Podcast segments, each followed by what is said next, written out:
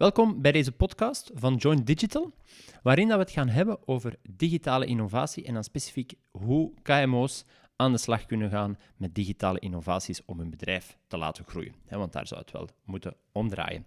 Nu, digitale innovatie, je kan tegenwoordig geen krant uh, dat nu digitaal of uh, nog op papier is openslaan, of het gaat wel uh, over digitale innovatie. Over waar dat bedrijven al dan niet staan, over hoe moeilijk en complex het al dan niet is om uh, ermee aan de slag te gaan en het verschil te blijven maken, zeker in, uh, in een Belgische of in een Vlaamse context. Vlaio is er ook heel hard mee bezig. Van, de overheid doet heel veel moeite om bedrijven te helpen om met digitale tools aan de slag te gaan. Uh, en ook elke netwerkorganisatie is er uh, mee bezig. Hè. De Focus en de Ethions van deze wereld hebben er de mond van vol. Maar natuurlijk, die digitale innovatie, dat is iets zo groots. En hoe begin je daar nu als middelgrote uh, onderneming aan? En het goede nieuws is dat er vandaag heel wat oplossingen beschikbaar zijn, waardoor dat je niet eerst vele tienduizenden euro's in IT-architectuur moet steken. En ik weet dat sommige bedrijven jullie dat ongetwijfeld nog een stukje willen laten geloven, maar we gaan eigenlijk in deze reeks gaan kijken wat de mogelijkheden zijn om op een heel lighte, maar toch impactvolle manier aan de slag te gaan.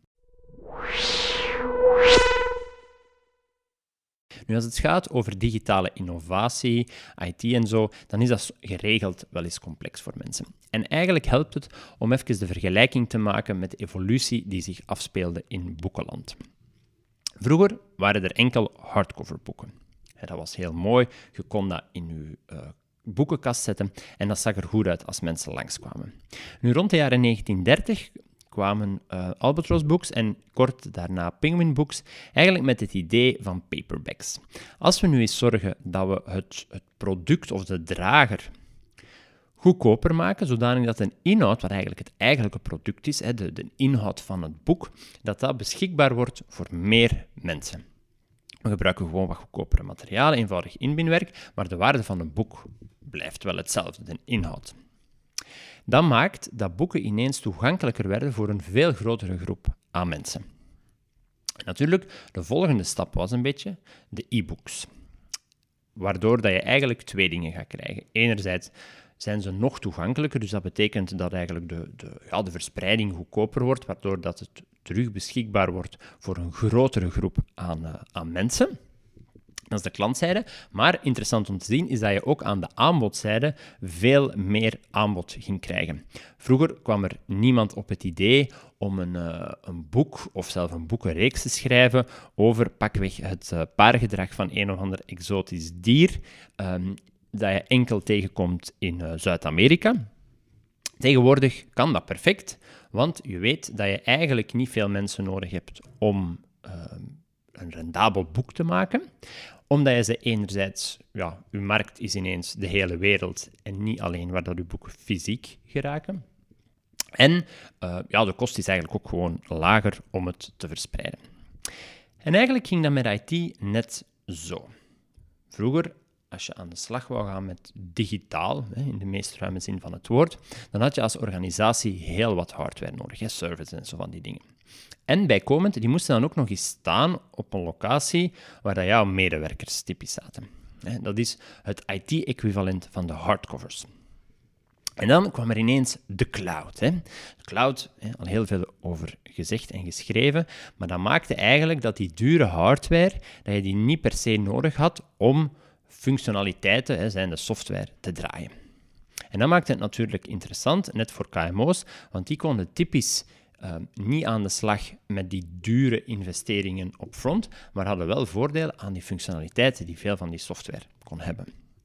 En dus de voordelen van schaalbaarheid en kosten in functie van het gebruik waren eigenlijk de grote voordelen voor uh, de cloud. En dat is de paperback van de IT zo'n beetje.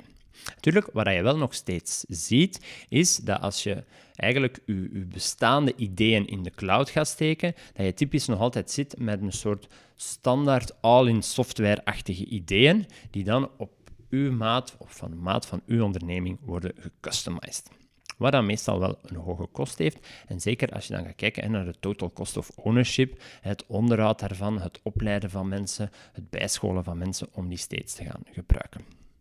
En dan de derde stap, hè, wat dan het digitale equivalent van de e-books is, dat zijn dan de SaaS-tools. En SaaS dat staat voor Software as a Service. En dat model gaat eigenlijk nog een stap verder uh, om uiteraard wel in de cloud, maar specifieke toepassingen aan te bieden die gericht zijn op het ondersteunen van één specifiek businessproces. En dat betekent als bedrijf concreet dat je letterlijk binnen een minuut een CRM-toepassing kan opstarten voor jouw bedrijf als je daar nood aan hebt. En als je dan morgen zegt van, nu is het eigenlijk wel belangrijk dat ik een stukje online verkoop kan aanbieden aan mijn klanten, dan activeer je overmorgen de online shop toe. Leuk dus dat je als bedrijf aan de slag kan met veel kleinere upfront investeringen en toepassingen die gewoon werken op een specifiek businessproces. Nu, het gebruik van die, die SaaS-tools dat heeft nog een aantal bijkomende voordelen. Het eerste daarvan is dat je veel gemakkelijker best-in-class oplossingen kan nemen. En wat bedoel ik daarmee? Als je een, een all-in soort software neemt, dat heeft een aantal voordelen uiteraard, maar meestal moeten die heel veel afwegingen maken. En als je werkt met SaaS-toepassingen die specifiek gebouwd zijn en ook onderhouden worden om een specifiek businessproces, zoals bijvoorbeeld uh, online selling of digitale communicatie of productieplanning te ondersteunen, software die daar specifiek voor gemaakt is, ja, die kan ook gewoon letterlijk best-in-class software zijn. En alleen al van die te gaan gebruiken, door, laten we zeggen, de methodieken die in die software inzitten, kan je als bedrijf al een stuk groeien. Tweede voordeel is dat je ook maar een fractie van de, klassieke budgetten in onderhoud moet steken. want natuurlijk typisch, als je een soort software hebt die gecustomized is op jouw organisatie, dan zijn alle onderhouds- en aanpassingskosten, ja, die zijn dan ook volledig ter jouw kosten. Ehm, als je met SaaS-software gaat werken, daar is de, de developer of het team, het bedrijf dat daarachter zit, die eigenlijk zorgt voor continue updates, waardoor je steeds met de meest up-to-date ehm, software enerzijds kan werken, maar dat je ook al die nieuwe functionaliteiten onmiddellijk meekrijgt, zonder dat je daar eigenlijk een extra kost voor hebt. Hè? Want die kost is ook beheersbaar. Dat zit bijna alle SaaS-software-modellen draaien rond een, uh, een user-model, waar je eigenlijk gewoon betaalt per maand per gebruiker die actief de software gebruikt. Een derde voordeel, en dat kan je eigenlijk niet overschatten, hoewel het heel vaak over het hoofd wordt gezien, is het gebruiksgemak van SaaS-software, die typisch vele malen groter is dan klassieke, wat oudere software. En waarom is dat zo belangrijk? Omdat heel veel eh, IT-projecten en IT-investeringen dus eigenlijk niet, niet renderen, omdat mensen in jouw bedrijf, de gebruikers, ze eigenlijk niet graag gebruiken. En mensen zijn heel wat gewend, omdat ze natuurlijk in hun, in hun privéomgeving of bij vorige werkervaringen continu met digitale tools werken en heel hard gewend zijn geraakt aan het gebruiksgemak van een Facebook die eigenlijk heel veel voor u denkt, bijvoorbeeld. En dat verwachten natuurlijk ook in applicaties die ze gaan gebruiken om in C hun werk beter of gemakkelijker te maken, hè, want dat zou een stukje het doel moeten zijn. En daar zie je dat die SaaS-softwares heel veel moeite doen om te zorgen dat gebruikers daar heel vlot mee aan de slag gaan. dat heeft voordelen dat je inderdaad veel meer adoptie hebt, dus dat je investering sowieso al meer rendeert, dat gebruikers het ook effectief meer gaan gebruiken, dat je veel minder tijd moet steken in, in opleiding en bijscholing om gewoon een tool te gaan uh, gebruiken. Denk je nu, fijn, wanneer kan ik daarmee beginnen? Wel, het antwoord is uiteraard vandaag. Maar in de komende podcastafleveringen gaan we het nog een stukje concreter maken. We gaan telkens één klassiek businessproces onder de loep nemen en kijken welke tools, digitale ondersteuning daar kan helpen om dat proces sneller te laten verlopen, gemakkelijker, meer aansluitend bij jouw markt, klanten en kandidaten. Heb je iets gehad aan deze podcast, dan kan je ons niet meer steunen dan door deze te delen met jouw collega-ondernemers.